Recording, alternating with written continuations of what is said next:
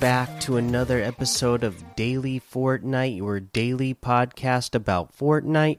I'm your host, Mikey, aka Mike Daddy, aka Magnificent Mikey, and today we got some big announce announcements about Fortnite competitive. So let's get into that. Fortnite competitive announcements for 2022. Hey, competitors, 2021 is almost over, and we've got huge plans for competitive Fortnite in 2022. There's a lot to cover, so we'll briefly highlight the top changes before talking more in depth about the entire year. What to expect for Fortnite competitive in 2022? FNCS duos with a match point format and finals, divisional tournaments, two round cash cups. Proposals for in person third party events are being reviewed for approvals once again. More competitive features. So, some big, exciting stuff. So, a new competitive mode and FNCS format.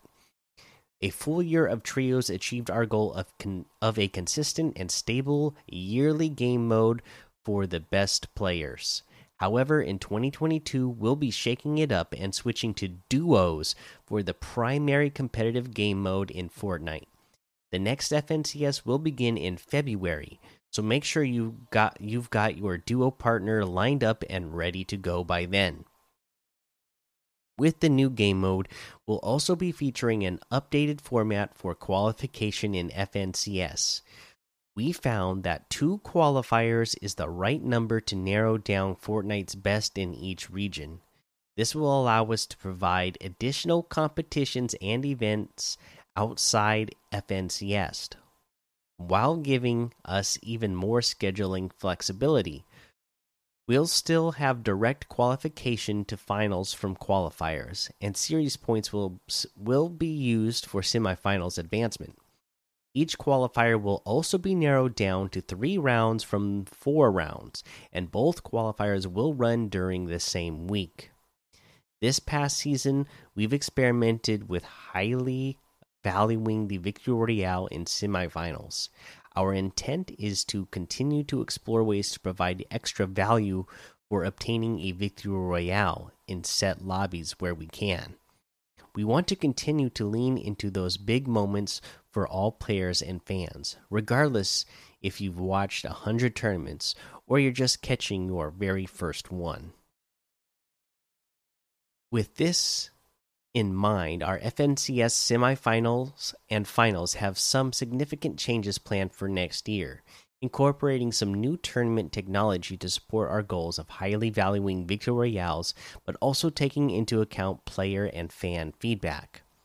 Semifinals will now consist of only a single heat, a single lobby, with matches on Friday, Saturday, and Sunday in week two. The winning duo of each semifinals match will continue to be rewarded with an instant advancement to finals. New tournament technology in next season will also advance the top consistent teams who haven't already grabbed a victory royale at the end of each of those daily semifinal sessions. After each daily session, those now vacant spots in the heat will be backfilled with the next inline duos on the series leaderboard, and the process will start again the following day. This will repeat until all 50 duos spots have been filled in for the finals. For finals in week three, we're introducing another new piece of tournament technology called the match point format. This will mean that a team may end the finals tournament window early and be crowned FNCS champions if they accomplish both of the following reach the designated points threshold and earn two victory royales. If no team accomplishes these two requirements, the tournament will end at its normally scheduled time, and then we'll and then we'll crown our N FNCS champions. Our main goal with the implementing this new technology is to continue down the path where victory royales deliver a huge impact for any given match, while balancing a single match wins carefully. Wait, while balancing a single while balancing single match wins carefully with consistent tournament placement and eliminations. We plan to make the points threshold significant enough so that the likelihood of the finals ending early on day one is low.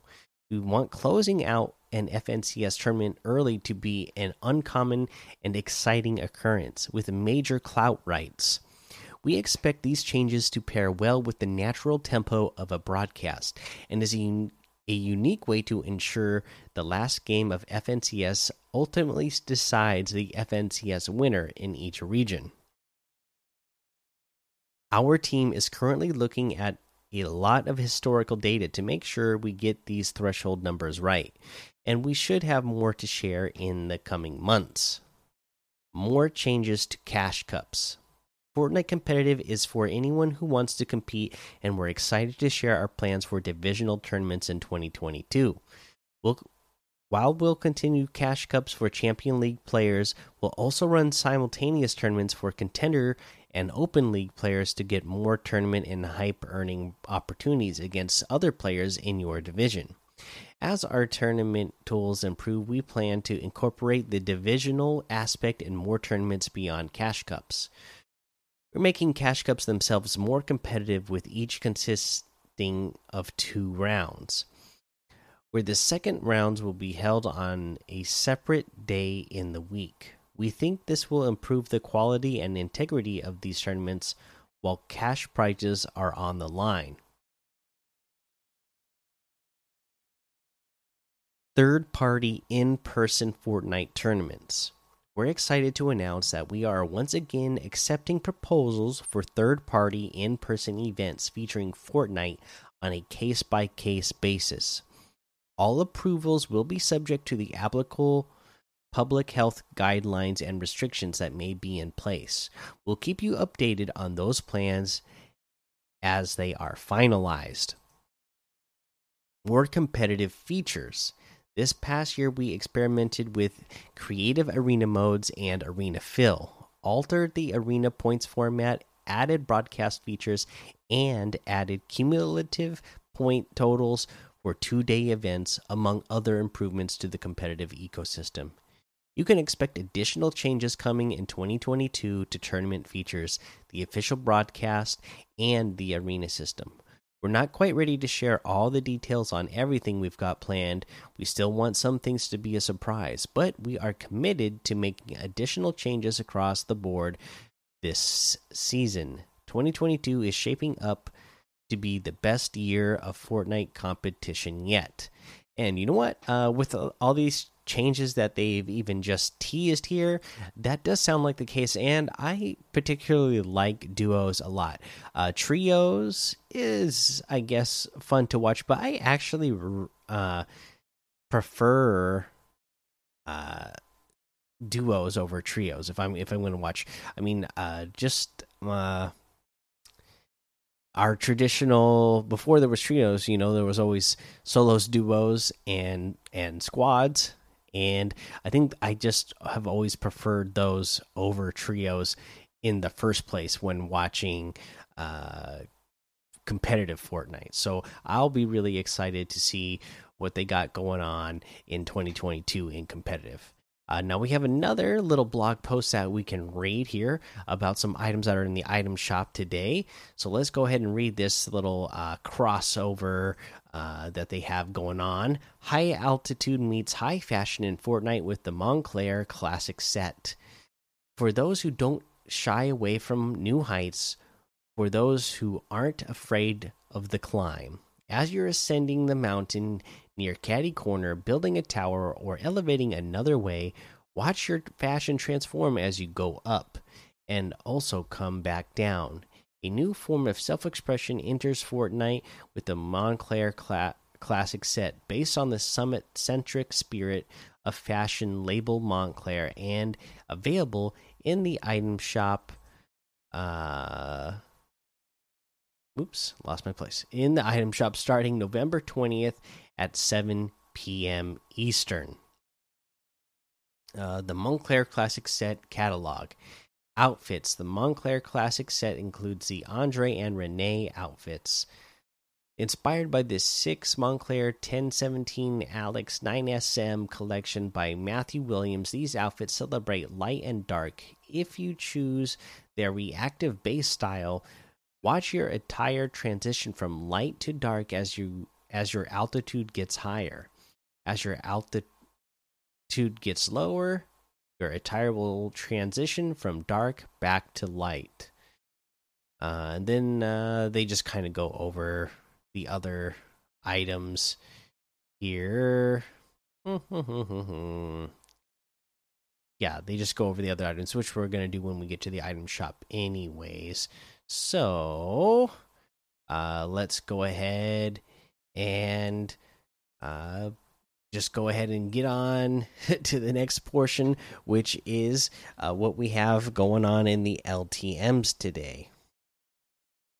Uh, let's see what we do. We have trending close encounters, hidden leaf village adventure, party royale, horde rush, boogie zombies, uptown road rush, zombie adventure, 300 levels death run, battleground all weapons and vehicles, zombie island, 500 levels. Easy death run, 999 levels death run. Hill City Roleplay, Vivid City Become Governor, Escape 101, Cars Pit Solos, and a whole lot more to be discovered in that Discover tab. Now let's head over to the item shop and see what it is that we have in the item shop and see how much those Moncler items are going to uh, cost us.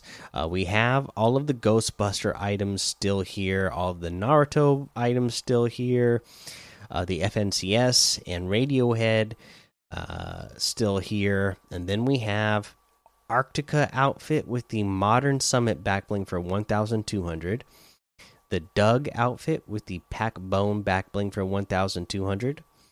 The Laugh It Up emote for 500. Whirlwind emote for 500.